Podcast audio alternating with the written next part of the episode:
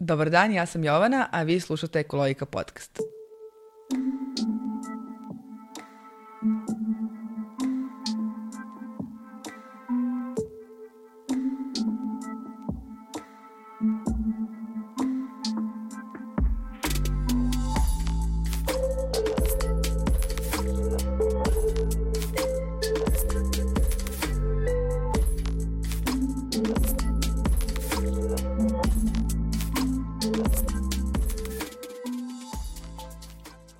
Prvoj sezoni razgovarali smo sa pet sjajnih žena koje su pokrenule zelene biznise svoje i to možete pogledati, evo da ne ide gore će ovo biti link. Današnjom epizodom otvaramo drugu sezonu koja je posveđena e-mobilnosti. Ova tema je u poslednjih par godina u fokusu javnosti i to ne bez razloga. Transportna industrija gotovo da je u potpunosti uh, zavisna od fosilnog goriva, a to mora da se promeni. Moj današnji sagovornik je Filip Mitrović, specijalista za e-mobilnost ispred 360 Mobility-a i danas ćemo s njim odgovoriti na ne, razgovarati i odgovoriti na neka glavnih pitanja, to je šta je mobilnost, zašto je ova industrija važna, koje su glavni mitovi i zablude, zablude kada je reč o industriji. I ništa, počnemo. Dobrodošao Filipe, hvala što si odvojio vreme da, da, da budeš ovde s nama. Da hvala tebi na pozivu. Za početak, ajde da ovaj, kažemo zašto je važna e-mobilnost, zašto, zašto je ta tema ovih, ovih dana, to je poslednjih par godina negde u epicentru priče o, o, zelenoj energiji o, i o obnovljivim izvorima energije. Ti si napravila odličan uvod zapravo o tome, o priči koliko zapravo transport učestvuje. Uh, učestvuje u svetskoj ekonomiji, međutim sa druge strane učestvuje u svetskom zagađenju. E sad, mi tu kad gledamo kako se stvari odvijaju, recimo da uh, zagađenje, transport ima svoje parče kolača što se tiče zagađenja, međutim, e, to se dolazi do neke opšte cifre, a nikada se ne priča koliko je to zapravo u urbanim, odnosno u gradskim uslovima.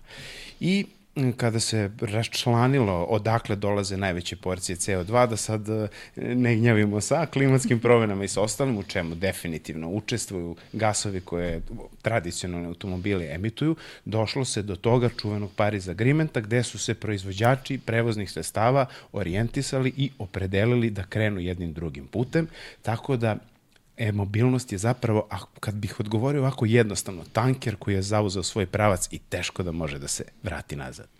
Dobro, reci mi ti si u automobilskoj industriji gotovo 20 godina, je li tako? Oh, da, gotovo od kad pamtim za sebe. Sjajno, da. koliko se ona promenila ovaj, u poslednjih par godina upravo zbog, zbog ovog, jel te, zbog e, e-mobilnosti i tog trenda koji nastupa? Poslednjih zapravo, evo sad ulazimo u devetu godinu promena, recimo da je ta 2015. kada je bio taj, kad je postigno taj klimatski dogovor, odnosno parijski dogovor, jel, e, krenulo se u pravac e-mobilnosti i autoindustrija se mnogo promenila promenila. Ono što je važno, transformacija nije samo vezana za način kako su automobili pogonjeni, odnosno prevozna sredstva, nego je vezana i za način kako će da se proizvode i kompletan lanac snabdevanja, način korišćenja uh, u odnosu o, o use instead of own, znači koristiti umesto posjedovati, znači sve se menja. Ovo je jedna transformacija koja daje mnogo veliku priliku da se zapravo napreduje. Jasno, kada pričamo o e-mobilnosti, mi ne pričamo zapravo samo o električnim ili autonomnim automobilima, to je automobilima koji se su kako, samo vozeći ili kako, kako bi ga preveli tako ovo, je, tako, tako nešto. Je, da. odlično. To je to. Ne pričamo samo o njima, to je, čitav, to je jedna ozbiljna industrija u kojoj se, koji nije samo sad smo u auto koji, koji se vozi na struju, nego tako smo i, i nego, nego se promeni, mora se promeni svašta nešto. Šta je to što mora da se promeni? Tako je. Pa moramo da promenimo sebe, moramo da promenimo navike i uh, kada gledamo mobilnost zapravo, ja sam, ajde da kažem tako, pre, još pre neke dve, tri godine zaključio da je to e-mobilnost malo i pleonazam. Znači, zapravo ono što treba da bude fokus interesovanja onog o čemu mi pričamo je mobilnost, što podrazumeva uh, u nekoj, ajde da kažem, svojoj definiciji kretanje, koje je što bezbednije, pod broj 1, dakle, zatim što konfornije i što priuštivije. I onda u tu mobilnost uvrštavamo svaku vrstu kretanja, od pešačenja, korišćenja sredstava mikromobilnosti, što bi bili jer, trotineti, bicikli i slično, zatim korišćenje sredstava javnog prevoza i tek možda negde na kraju i na drugom delu korišćenje te individualne mobilnosti i naravno mobilnost, korišćenje mobilnosti u svrhe privrede, što bi bilo last mile delivery, mala dostavna, velika dostavna vozila i onda takođe i ostalim vidovima transporta, mislim na uh, vodni transport, na avio transport i tako dalje. Uh, kažeš moramo promenimo sebe, slažem se, ali mora se promeni mnogo toga da bi stigli, da, bi, da bismo mi uspeli da promenimo sebe. Negde nisu svi gradovi, uključujući Beograd, ovaj, ni spremni ni opremljeni za takvu oh. vrstu kretanja, jel te? O, da. Ovaj, drugo, kad pričamo o e-vozilima, nema, nemamo baš mnogo prostora, bar u Srbiji, da, da ih punimo i tako dalje. Ajde da mi kažeš koji su, znači, ajde da pričamo prvo o benefitima, pa ćemo onda vratit ćemo se na izazove s kojima se ova industrija su, znači, prvo o lepim stvarima. Ajde prvo, apsolutno da. okay. ovaj, Uvijek sam za. Nego šta. Znači, idemo i pričamo sad prvo koji su to benefiti e, e-mobilnosti, zašto je ono toliko važno i zašto je postala baz, jel te? To je reči sada... Pa, znate kako, prvo, E, imate nekoliko pitanja. Ja, pored toga što sam dugo u autoindustriji, ono, da kažem, ne volim sebe da zovem nikakvim stručnjakom ili bilo šta. Ja sam uh, imao sreće da budem korisnik zapravo električnih vozila u jednom dugom vremenskom periodu. Uh, znači, prešao sam, imam dosta iza sebe električnih kilometara i prvo što vas ljudi pitaju, to su ono što, što si ti na početku pomenula, gomila nekih mitova, zabluda koje ćemo mi, jel? Nadam se, delimično da. da, da razbijemo. Ali ono što se prvo primeti kod električnog automobila, ono što neće da vam kažu na neki, u nekim novinskim člancima ili tako dalje, vi sednete, znači kao da se vozite na oblaku. Znači, vožnja električnom automobilu je vožnja bez bilo kakvih vibracija, uopšte nije beznačajno, jer svi automobili sa tradicionalnom pogonom prave vibracije. Nebitno da li su to neki manji ili veći motori, benzin ili dizel, opet prave neke vibracije. Kod električnog automobila je vožnja kao na oblaku. E, zatim, kada vi izračunate, evo recimo moj prvi električni automobil koji je bio službeni, e, moram da naglasim zbog cene, pošto ćemo verovatno da se Absolut. dotaknemo i toga, prešao sam sa tim automobilom 30.000 km i to me je koštalo kada sam pretvorio recimo u dinare, to me je koštalo 20.000 dinara koje nisam ni platio. Znači, apsolutno vožnja bez troškova, onda uh, shvatite kad punite automobil da to troši izuzetno malo struje, da, da je sve, tako da kažem, eto, to su, to su neke, uvek, um, uvek su ti neki ipak ekonomski aspekti najvažniji, a posle ta, ta vožnja, te performanse koje pruža električni automobil, to je već posebna priča, to je onako onako, od najmanjeg su te performanse izuzetne. Ok, ali opet industrija, koliko god to sve lepo izgleda, ima ozbiljne izazove trenutno. Ove, ovaj, hoćemo pričamo malo o njima. Gde su glavni problemi u industriji? Pa, ako pričamo lokalno, jel, pošto smo pomenuli Srbiju i ti si super pomenula si Beograd i brojne izazove sa kojima se ovaj divan i lepi grad nosi. I jedan od izazova svakako za prihvatanje mobilnosti no, nove vrste za promenu navika je infrastruktura. Što se tiče automobila i što se tiče autobusa i onih nekih privrednih dostavnih vozila koje smo pomenuli, e, mislim da to ne može da zaživi bez infrastrukture. Uvek vam je to pitanje da li je starije kokoška ili jaje, to je već milion puta pomenuto na ovu temu. Znači, sigurno je da morate da imate infrastrukturu da biste bilo kome mogli da predstavite šta električna mobilnost zapravo može da uradi. To je recimo jedan od izazova, svakako izazov kad eh, ono što će ljudi da vam kažu pored toga što kad vas pitaju sa kad vas vide sa električnim automobilom, kad pitaju gde se to puni, onda kažu da je to skupo. E, zapravo to je možda i glavna navika koju treba da promenimo, a, s tim što dan, u današnje vreme nemamo jeftine automobile, kad kažemo skupo, svi automobili su skupi, međutim način finansiranja i kako je to zamišljeno kod električnih automobila je nešto što će ono, ako se sećate da sam pomenuo priuštivost kod mobilnosti, e, da, da primakne, da kažem, širem auditorijumu, je svakako finansiranje skrojeno po meri korisnika. To znači da je nova mobilnost planirana na način da se plaća onoliko koliko se koristi. Jako važna i smela izjava, a u prilog tome ću da vam kažem da su se proizvođači automobila – zapravo transformisali i transformišu se, pardon, u pružaoce us, mobilnih usluga, to, to jest pružaoce usluga mobilnosti. E, možeš malo to da mi razjasniš, sad si me ovako e, zateko, ovaj, da. pokušavam da o, negde u glavi shvatim što ovaj, da. suštinu, slušam te. Evo, suština je ova, uzet ćemo, na primer, evo, uzet ćemo Beograd i uzet ćemo prosečnog nekog korisnika kome treba, koji koristi individualnu, individualnu mobilnost. Zapravo, Kad napravite najkraću analizu, doći ćete do odgovora da se automobil koristi 30 do 40 km dnevno u proseku, znači pričam za Beograd, a verovatno i za celu Srbiju, se kreće u opsegu maksimum do 50 km dnevno i e, to je korišćenje od nekih sat do sat i po vremena. U Beogradu i u Novom Sadu, naravno, zaglavimo se u gradskoj gužvi, tako je, pa to traje nešto duže. Ali šta je poenta? Znači, vama automobil zapravo u većini slučaja treba, ajde da kažemo, neki i dva sata dnevno ili tih 40-50 km. Šta se dešava sa ostala 22 sata? Zapravo, to je način na koji proizvođači automobila, odnosno pružaoci usluga mobilnosti, kako ja volim da ih zovem po novom, uh, kreiraju znači, prevozna sredstva tako da zadovolje te potrebe. Tako da ćete vrlo često da čujete neke termine kao što su car sharing, kao što su ride sharing, a zapravo neki prvi korak ka tome bi bio jedan modern renta car, gde biste vi sa, vašom, sa vašim odabranim partnerom za mobilnost potpisali neku vrstu ugovora i naspram tog ugovora koristili prevozno sredstvo onda kada vama to treba.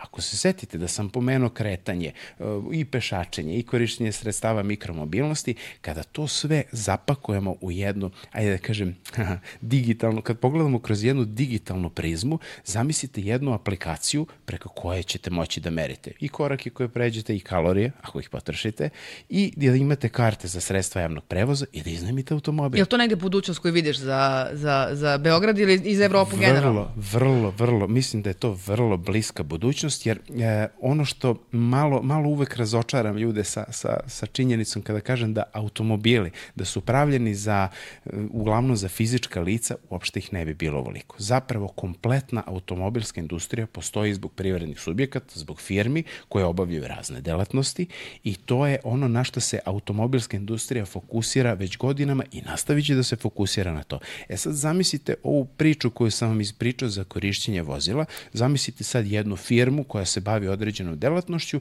i koja recimo ima jednog, to se nekada u prošlosti zvalo putnik, sad se zove recimo regionalni menadžer ili tako već kako već volimo da dodeljujemo ta imena. E, on, na primjer, putuje dva put nedeljno za Kraljevo i Čačak. I šta se dešava? Znači, on će sa svojim partnerom za mobilnost potpisati ugovor gde će mu biti dostupan automobil, odnosno prevozno sredstvo gde će on da obavi svoj posao i taj automobil platit, platit će zapravo samo to kada se koriste. Jel to znači budućnost sa manje automobila na ulicama, sa manje zagađenja, sa manje jel da, te, gužve da. svuda i tako dalje. Odlično. Ajde da se vratimo da. na opštu e, mobilnost, znači da, se, da, da negde pričamo, pričali smo sad i o prednostima, rekao sam nam koje su prednosti. Uh, ono što najviše brine kada pričamo o mobilnosti, pogotovo o električnim vozilima, znači ne samo o infrastrukturi, nego o električnim vozilima, jeste kritičare, kad kažem kritičare, mislim na klimatske aktiviste, o, da. jeste pitanje baterija, legitimno pitanje baterija u o, da. smislu da. uh, rudaranja materijala koji su ovaj, i o, jel te, odlaganja tih baterija. To je negde što se pokazalo, to se pokazalo kao ne najveći mit, nego najveći problem zapravo industrije, jer se često povezuju, to rudaranje povezuje ne, sva, ne svuda i ne svako, ali se povezuje sa što kršenjem ljudskih prava, ali mm. i uništavanjem e, životne sredine. Pa onda gde je benefit ako imamo taj problem sa baterijama? Mm. Da li ima napretka tu? Uh, napredak je ogroman, ali uh, verovatno ću da vas iznenadim sad, sad nekim stvarima koji ću vam kažem, jer mm, s obzirom da e, e-mobilnost, bavim se tim već nekih 7 ili 8 godina i zaključak do kog vrlo brzo dođete. Dođete do toga da je srce uh, e-mobilnosti i budućnosti mobilnosti uopšte zapravo to što si ti rekla, ta strašna reč, baterija. E, da sa druge strane moramo da budemo svesni, živimo u vremenu gde je uh, popularizacija, odnosno uh, politizovanje uh, veoma popularno, polarizacija zapravo strana, ako ste za nešto, znači da ste smrtni neprijatelj onog što je protiv nečega. I obrnuto. E sad, šta je ono što, što ljudi moraju da znaju, ono što ja pokušavam svojim delovanjem da objasnim, zapravo baterija e, odnosno mi zovemo baterije. E, malo tu i, i, i grešimo u terminologiji, znači jer baterija može da bude jeli ona od volt i po i akumulator, što zovemo na, na automobilu. Ono o čemu mi pričamo ovde su zapravo baterijski sistemi. Baterijski sistemi su onako jedna prilično kompleksna stvar kad biste rekli, kad biste uporedili, znači baterijski sistem na automobilu zapravo je jako sličan smartfonu. Čisto da pojednostavimo, da, da ljudi lakše razumeju. I baterijski sistem je nešto oko čega se gradi prevozno sredstvo slash automobil. Namerno kažem prevozno sredstvo upravo zbog ovih promena navike, jer tako proizvođači insistiraju, znači da se ta terminologija promeni. E sad, ono šta je e, jako interesantno, od samog početka se mislilo na sve što se tiče baterijskih sistema i što se tiče baterije. Znači, kad kažem na sve, od samog početka se recimo razmišlja o reciklaži kada je napravljen prvi baterijski sistem za moderni automobil, koji ste imali u ponudi da kupite, ne sad ono da kažete, e, ima tamo neki električni automobil, ne, nego da ga imate u cenovniku, da možete da poručite taj automobil da možete da ga kupite. Prvi baterijski sistem e, je, kada je napravljen, znači 93% svega što se nalazi u njemu e, je reciklabilno. Znači, može da se reciklira mnogo toga. E sad, e, sa druge strane, baterijski sistemi su napravljeni da budu izuzetno trajni. E, ljudi, uvek je to, to pitanje šta se dešava sa garancijom. To je recimo jedan deo koji obavezno pominjemo. Garancija na baterijske sisteme je obično od 8 do 10 godina ili 150 do 200 hiljada kilometara. Sa, kada pričate sa bilo kojim proizvođačem, baterijskih sistema, odnosno ovaj, generalno baterije, ajde da, ajde da, da, skratimo, sad, da skratimo, da. da, oni će da vam kažu da će to da traje zapravo mnogo duže. Dobro. Zapravo svaka baterija koja vidite u, koju vidite u električnom automobilu, njen vek trajanje 10, 15, pa često i 20 godina. Šta se dešava posle toga? E, to je najbolje pitanje. Posle toga, Znači, e, kada prođe, ajde da kažemo, taj neki period, inače da ne zaboravim, garancije, osim tih e, ograničenja u godinama i pređenoj kilometraži, ima jedan zanimljiv faktor, a to kaže da traje dokle god je pravi kapacitet baterije 70%. E, šta to znači? Gledalci i slušalci znaće vrlo lako o čemu govorim ako opet uporedimo sa smartfonom, pa vi kad uđete tamo, bez obzira koliko vam piše da je posto baterije, imate diagnostiku koja vam čita koja je pravi pravo stanje baterije, isto funkcioniše automobil, odnosno baterijski sistem na automobilu. I e, dokle god je on 70% i preko, baterija će da se koristi za e, sredstva mobilnosti. Nakon toga ne ide u reciklažu. Nakon toga ide u sistem, e, ja to volim da kažem kao power bank, jel? kao eksterni punjač, odnosno ide u, e, koristi se za sistem skladištenja. E, to je ono što ljudi moraju da shvate od prvog momenta kada se razmišljalo o bateriji ovakvoj kakva je, razmišljalo se da će ona jednog dana da postane sistem skladištenja energije. Zašto je to važno? Sistem skladištenja energije mislimo na, na, na sola, solare i vetroparkove e, ili... Između ostalo. Dobro, znači, i za što još možete kako mi, kako mi sad imamo? Imamo danas situaciju da, uh, naravno, solarne elektrane i vetroparkovi su sve popularni i popularniji, kao jedna od najvećih nedostataka toga je što se ta energija zapravo rasipa. Zašto se rasipa? Zato što nema gde da se skladišti. I onda su ljudi kojima je palo na pamet da to rade sa baterijom zapravo i formirali bateriju takvu da jednog dana sačuva energiju kada energije ne bude bilo. Znači, definitivno mi se susrećemo sa energetskom krizom i to je činjenica. To ne može da opovrgne niko. E sad, šta, šta ja hoću da kažem? Znači, planirana baterija je zapravo planirana da jednog dana skladišti energiju, da li je to od e, vetra, da li je to od sunca, da li je to od biomase, znači od bilo čega ono što je potrebno takođe da bi nesmetano funkcionisala energija sa, o, da kažem, dobijena energija sa mrežnim sistemima, opet su baterije. Baterije su te koje će da ublaže tu energetsku tranziciju između sistema i koje mogu tu energiju da baferuju i da je predaju. Znači, to su zapravo i to je e, smišljeno od početka, da to budu pametni sistemi koji će automatski da balansiraju energiju. To je, sve ima istine, ba, mislim, prosto ne možemo da, da, kažemo da ne, ne možemo bez baterija, to je očigledno jasno. Ono što, me, to je što je bio drugi deo tog pitanja o baterijama ili baterijskim sistemima, jeste njihovo rudaranje. To je nešto što je u poslednjih e, par godina na meti kritika, u nekim delovima opravdano, u nekim mm. možda pre, preko, ali suštinski zabrinutost postoji.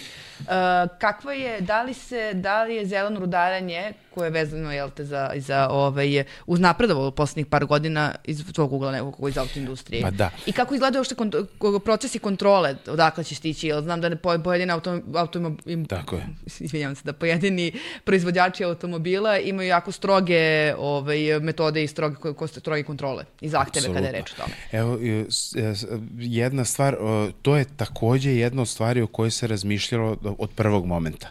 E, evo, uzet ću, na primjer, primer, uh, marku Volkswagen i model ID3, to je električni automobil koji sam ja takođe imao priliku da koristim duže vreme. Veoma zanimljivo je da uz automobil dobijete jedan sertifikat koji je izdala TIF, to je Nemačka agencija za standardizaciju, gde piše da je ID3 zajedno sa baterijskim sistemom proizveden kao klimatski neutralan. E, to je nešto što treba da, da upali lampicu ljudima. Je klimatski kada... neutralan zato što, e, na osnovu kredita ili klimatski neutralan na osnovu toga što je korišćeno za... za... I moram da pitam, izvinjavam da, da. se, postoji pa, taj pro da. problem. Generalno, znači, e, svi dobavljači, e, to je neko pravilo, još jedno ovaj, razočaranje za, za ljubitelje automobilske industrije. Automobilska industrija se u poslednjih 20 godina transformisala tako da su to više kompanije koje sklapaju komponente nego što, koje proizvode delove sami. Ali tu imamo jednu veliku promenu. Pored toga što će da budu pružavci usluga mobilnosti, većina proizvođača automobila se transformiše u proizvođače energije. Znači, baš je e, juče izašao članak sa, sa jednim zanimljivim pitanjem. E, baterija se nalazi u Švedskoj, Skelefte se zove mesto, no, jedno od Nordvolt e, giga fabrika i bilo je pitanje e, za godišnji kapacitet od 40 gigavati koliko može da se napravi baterijskih sistema. Odgovor je bio neverovatnih preko 500.000. Znači, preko 500.000 vozila i jako važno je da to e, dođe kao zeleno. Znači, stavlja se apsolutni akcent čak i na ove sadašnje sisteme koje znamo da većinom dolazi iz Kine, nešto dolazi iz Koreje, neki mali deo iz Japana, najmanji deo iz Evrope, jer je to u Evropi tek u povoju, ali porašće rapidno. U narednih 7 do 8 godina imaćemo preko 20 fabrika u Evropi koje se bave proizvodnjom baterija i komponenti za baterijski sistem. Zato što napredujemo i tehnologija napreduje, ja se nadam da će da, da se sve radi transparentno i da ćemo da imamo transparentno transparentno da su te tehnologije koliko toliko čiste i koliko toliko da, da ne zagađuju e, prirodu. Vidite, vi šta god da, da krenete, da, da, da uzimate od, od majke zemlje, vi ćete da, da imate problem u, u tom nekom smislu. Nešto ćete da napravite. Pomenuo si malo pre Evropu, e, do, za 12 godina, za samo 12 godina, kratkih 12 godina, uh, u Evropi će biti potpuno zabranjena prodaja automobila sa, na, sa ovaj, motorima da, na neće na se praviti automobili sa motorima sa unutrašnjim sagorevanjem, to je Uh, isto pitanje koje je izazvalo mnoge diskusije. Samo da te prekinem, pa ćemo da nas, izvini, molim te, ali samo moje pitanje je suštinski uh, trenutno i on, problemi o kojim smo govorili, a to je cena automobila, uh, infrastruktura, uh, pre, kilometraža koje oni mogu da pređu je dosta onako ne ide u prilog električnim vozilima kada pričamo o toj zabrani za 12 godina. Znači za 12 godina nećemo moći kupiš automobil u Evropi koji je napravljen, novi automobil, to je stačnije, da, novi automobil. Ove, ovaj, jel može Evropska unija da za, za 12 godina popravi sve to i dovede, dovede, i da li može automobilska industrija da stigne to i za 12 godina da negde ispravi tu Ja bih odgovorio da sam blagi skeptik vezano za to pitanje, jer već neki proizvođači, kao što je na primer Porsche, žele da im se dozvoli da njihovi motori budu pogonjeni nekim gorivnim ćelijama. to radi se znači, o, o to tehnologiji. pa zapravo radi se o tome da današnji motori budu prilagođeni, ajde da pojednostavimo nešto što se zove sintetičko gorivo. Sintetičko gorivo koje bi hipotetički takođe bilo zeleno, proizvedeno iz obnovljivih izvora i ne bi zagađivalo okolinu i to je izazvalo onako skepsu me, među ostalim proizvođačima jer su oni rekli a što ne onda i mi, što da ne pokušamo. Međutim, 诶、kao što je ustanovljeno, opet ću da se vratim na, na taj Paris Agreement, iako na za koji dan čeka COP28 u Počeo Dubaju. je juče? Zapravo, A. glavne, glavne sednice očekujemo, recimo, baš tog nekog šestog. Yes, A, čekamo da vidimo šta dan će pošto da... Je, pošto ova epizoda izađe. E, odlično. Da vidimo, da e, to bi trebalo da vidimo da li smo na dobrom pravcu i koliko još šta treba da se pritegne. Ono što ljudi e, treba da znaju je da ne pridržavaju rešavanje svega dogovorenog povlači za sobom ozbiljne finansijske posledice. Kad kažem ozbiljne finansijske posledice, u pitanju su milijarde eura i onda svi proizvođači gledaju bolje da realociraju da ta sredstva potroše na nešto što se zove e, razvoj i istraživanje, nego plaćanje kazni. E, to je nešto zbog čega mislim da će da zaživi, a neka tržišta kao što su, na primer, Holandija i Norveška su se, i generalna Skandinavija, oni su se prijavili čak od 2030 godine da, da ukidaju polako prodaju vozila sa motorima sa unutrašnjim sagorevanjem. Kad je reč o prodaji, postoji jedan veliki problem trenutno, a to je cena. O, ovaj, cena je za prosječnog potrašača i za prosječnog građanina negde previsoka. Da li postoji, koliko sam shvatila, postoji neka plan da se naprave i neki manji gradski automobili koji nisu tako luksuzni tako i da se da, ovaj, da oni prosto budu pristupačniji i po ceni i po, mislim, prosto budu dostupniji građanima. E, recimo, kada poredite automobile koje su u, u klasi, ajde tako da kažem, e, vi ćete da dođete do toga da to uopšte i nije neka velika razlika u ceni, posebno ako pričamo o automobilima koji koštaju 40-50 hiljada eura, jer ćete da dobijete subvenciju, recimo, konkretno u Srbiji, subvencija postoji i u mnogim zemljama oko nas, znači u Evropskoj uniji, ali to, to si u pravu. Nama trebaju manji gradski i jeftini automobili. I to je nešto što se dešava, to je nešto o čemu razmišljaju svi proizvođači i to je nešto o čemu razmišlja glavni konkurent evropskih proizvođača, to su naravno proizvođači iz Kine. Ali ovaj, ono što takođe se vezuje za električna vozila su razni mitovi, od toga da su baterije jako zapaljive, od toga da o, sam, bravo. to sam pročitala danas Omiljena kad sam, pitanja. da, da, kada sam danas kad sam nešto istraživala malo, mislim, ovih dana sam istraživala, danas sam naletala na taj tekst baš, ovaj, kom piše da kao problem je što su, pošto su električna vozila teža, Okay. Ovaj, onda pri sudarima su i opasnije, lakše će da, da, da se nastrada i tako dalje, mogu da budu smrtonosnija u odnosu na... To su sve neki mitovi koje čujemo. Da. Ovaj, Ti si vozio, ne čuju da. se, je li tako? Oni se ne čuju. Uh, pa da, ali I to, dve, sam, da. I to sam čula da će biti, da je to problem e, kao nekih pešači jeste, ne čuju, tako da. Ali već Što dve, nije mit, ali je prosto. Nije, ali od 2019. svaki proizvođač je obavezan da ima na automobilu zvuk i to dok automobil ne dostigne nekih brzinu 30 km na sat i uh, sada je nemoguće da imate nečajne električne automobile. To su bili oni malo stariji, mogli se čak i, mogli čak i da se bira u tom nekom, da li ćeš zvuk ili nećeš, on ide na play, naravno. Ali sad je to, da kažem, sređeno i uh, taj problem je rešen. A ovo što si pitala je jako zanimljivo pitanje za zapaljivost i tu takođe postoje brojne debate, međutim, statistika, kada se uzme statistika, ali ne statistika onako da koja je, da kažem, sumnjivog ovaj porekla, nego kada se uporede neki podaci, recimo ja sam imao pred sobom neke podatke, uh, sam sad siguran da li se zove švedska, uh, u pitanju je švedska agencija za civilnu zaštitu, otprilike prilično ozbiljna institucija i oni su došli do podataka da, je, da su automobili na benzin ili na dizel čak 20 puta zapaljiviji od električnih automobila. Zašto je to tako? Opet baterijski sistem i opet nešto na, na što se mislilo od početka. Pričam za moderne automobile koji se proizvode unazad 4-5 godina e, zamisli sad ovo, baterijski sistem na sebi ima sistem pirotehnike, što baš i nije omiljena reč kad čuješ zapaljivost i pirotehnika zvuči čudno, ali zapravo to je sistem koji nizom radnji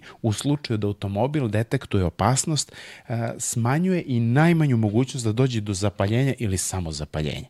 Znači, baterijski sistem je nešto što je zapravo, e to isto pitanje kad kažu skupa je baterija. Uh, baterija E, jeste skupa ako pričamo o baterijskom sistemu, ali ona je srce automobila. Ona je čak i podvozi i pod automobila. Čak je, e, znači to je nešto gde, gde su ugrađene baterijske ćelije, koje su ugrađene zatim u baterijske module i to ovako lepo poređeno kako izgleda kao tabla čokolade. Recimo kao milka od 100 grama, otprilike one kockice su moduli i šta je e, poenta? Poenta je što su maltene svi moduli mogu da budu ovim sistemom pirotehnike izolovani i da ne može da dođe, znači onako je baterija naravno hermetički zatvorena, teško, teško da može da dođe vazduh koji bi pospešio eventualno širenje plamena, ali taj sistem pirotehnike ga dodatno sprečava. Znači, izu, zapravo su izuzetno sigurni kada se poredi sa, sa ICE motorima. Sa motorima su unutrašnjim sagorevanjem. E, Srbija je pres, pa ove nedelje donela pravilnik o korišćenju i testiranju auto, ta, ovaj, autonomnih uh, vozila, to je samovozećih vozila. Da, da. Je li to neki znak da, da, da, se, da je ta tema prepoznata u Srbiji? U kojoj meri ona prepoznata? Ti si neko ko učestvuje u, aktivno u, u, ovaj, u raznim klasterima vezanim da. za tu temu. Pa... E, reći ću ti ovako, definitivno je popularna tema. Koliko zapravo postoji znanje o tome, malo je diskutabilno. Znači, mi imamo nekih pet stepena stepena autonomne vožnje i uh, ono ne mislim što je... samo na, nego mislim na celu, mislim da, autonomno mm. voženje apsolutno da, ali Da, da. mislim na celu, celu e-mobility industriju, da li, da, de, de smo mi tu u odnosu da. na ostatak Evrope, recimo. Da se ne poredimo s nekim da. drugima. Pa mi teško da možemo, teško da možemo da se poredimo što se tiče, mislim, dobro je što je to usvojeno. E, Treći stepen autonomne vožnje e, zapravo nisu samovozeća vozila. E, Zapravo ono što je kod trećeg stepena, da sad ne pričamo o ostalima, treći stepen autonomne vožnje e, automobil koji uz pomoć radara i lidara može da vizualizuje okolinu. Znači automobil koji zna šta se dešava oko njega, koji prepoznaje apsolutno pešake, kretanje pešaka i žardinjere i ostale automobile i semafore i tako dalje. I e, to je ta neka uslovna autonomna vožnja, znači koja zahteva da vozač sedi tu, ali automobil može da uradi recimo zanimljivu stvar. Može, na primjer, ako se nađe na autoputu, pored automobila drugog, može da ubrza da bi izvršio obilaženje, to je preticanje. Znači, ali, a u slučaju da automobil to ne meni može da izvede, da, da, da, može, može da izgleda, ja sam imao sreću da, da probam ovaj, čak, čak i, i, i četvrti nivo autonomne vožnje, čak To sam se sediš vozio, pozadi a, ja i- sam sedeo pored i onako, do duše, odvijalo se polako, pa nije sve jedno. Prvi Ja vozim i kad me neko drugi vozi, ja vozim, a ne kad me niko Da. ne bi vozio. da, izgleda jako čudno, automobil me je parkirao, znači odvezo se do parking mesta, lepo su parkirao i onda se isparkirao i dovezo me nazad. Mislim, to, to je Nisi onako bio u fazonu, ko ti poprilično... ovo radio? Da, da, ko ti ovo radio, bravo. to je to. ne valja, to ja bi bolje. Tako ne, sa je. šalom na stranu, ovaj, ja, mislim, nije realno da mi za 12 godina bude tam, budemo tamo gde je Evropa, znači te 2035. famozne koje, koje, da. koje nas čeka. Pa veliko je pitanje kakav će da bude pritisak e, Evropske zajednice, odnosno Evropske unije, zato što, kao kad pričamo o zagađenju vazduha, mislim, koja je pojenta da imate zagađen vazduh pre neko veče, sam čitao, u Subotici, a da nemate u Segedinu koja je Evropska unija. Znači, Tako je i ovo. Moraće da se napravi, znači malo, malo da se ipak homogenizuje stvar. Tako da mislim i tekako da ćemo morati, hteli ne hteli, da učestvujemo u tom procesu. Jer imamo neke dobre primere iz regiona, kako to izgleda i kako možemo da se, pretpostavljam, mogu da je Slovenija možda dobar primer ili... I Slovenija i Hrvatska je e, dobar primer. Recimo ono što je Hrvatska uradila i to neverovatno, ali za vreme, za vreme najvećeg udara korona 2020. godine Hrvatska instalira gotovo 200 stanica za brzo punjenje, na primer. To je onako, i to je uh, poprilično bilo dobro jer je u projektu učestvovao HEP, to je panda našem EPS-u i, uh, i tekako su prepoznali koliko je to važno, pogotovo što je Hrvatska turistička zemlja i koliko su prepoznali da to važno zbog privlačenja turista. Ono što mi treba da uradimo u narednom periodu i ono na čemu znam da se radi je da se glavni putni pravci opreme adekvatnim stanicama za punjenje koji neće sadržati samo punjače nego i ostali sadržaj. Da ipak bude korisnicima zanimljivo dok se pune da mogu nešto i, i da rade Jasno. dok čekaju punjenje. Pomenuo si EPS, te, tela sam završimo s ovim pitanjem u stvari, Aha, ali dobro. pomenuo si EPS pa si me, ovaj, uh, uh, žasnuo si me, razmišljam ovaj, o nečemu što je jako važno u stvari u toj cijeloj priči. Uh, džabe nam električni automobili ako nemamo pun krug za, zatvoren, jer ako koristimo prljavu struju, odnosno struju koja dolazi O, da. iz prljavih i, uh, izvora, a ne iz obnovivih, ako koristimo, ako nemamo, jel te, ako koristimo rude koje nisu dobre, ili, Mhm. to je rude koje doš, koje su na rudarene na pogrešan način i ugrožavaju životnu sredinu s druge strane. Sve to mora bude jedan pun krug za, lepo zatvoren da bi to imalo kompletan efekt. Da li je to u ovaj, nekoj skorijoj budućnosti moguće? Za Srbiju znam da je teško i da je odgovor ne, Da. ali e, da li u Evropi, kako vidiš Evropu u stvari, gde, za, recimo te 2035. Kako vidiš tu Evropu i Pa, e-mobility? evo ovako, generalno energetski miks, e, o to je ključna reč, je kakav je energetski miks. To bi bilo koliko struje dobijamo iz obnovljivih izvora, a koliko iz neobnovljivih, ono prljavih, jel? I recimo da je taj energetski miks kontra. Trenutno e, 60 prema 40, odnosno bliže, ajde čak i u Srbiji 70 prema 30. Evropski miks je, da, ev, pa mi imamo Mislim da je, neke... boga mi, pa imamo, ali mislim da, je, osam- da, je, da smo mi na 80. Da, Pa, da je 70 dosta onako ovaj, e, Optimistički misliš da je. optimistično, da, i da, da. veoma A generous. ja ipak želim, želim, mislim ono, ajde da kažem, ok, ok, malo sam se bavio nekim istraživanjima vezano za naše hidrocentrale koje imamo, one snabdevaju veliki deo uh, domaćinstava i, i potrošača energijom, tako da, eto, to je nešto što, što uliva nada, ajde da kažemo da je bliže 70, ali evropski energetski energetski miks, to, to je poprilično transparentno, 60 plus je iz obnovljivih izvora.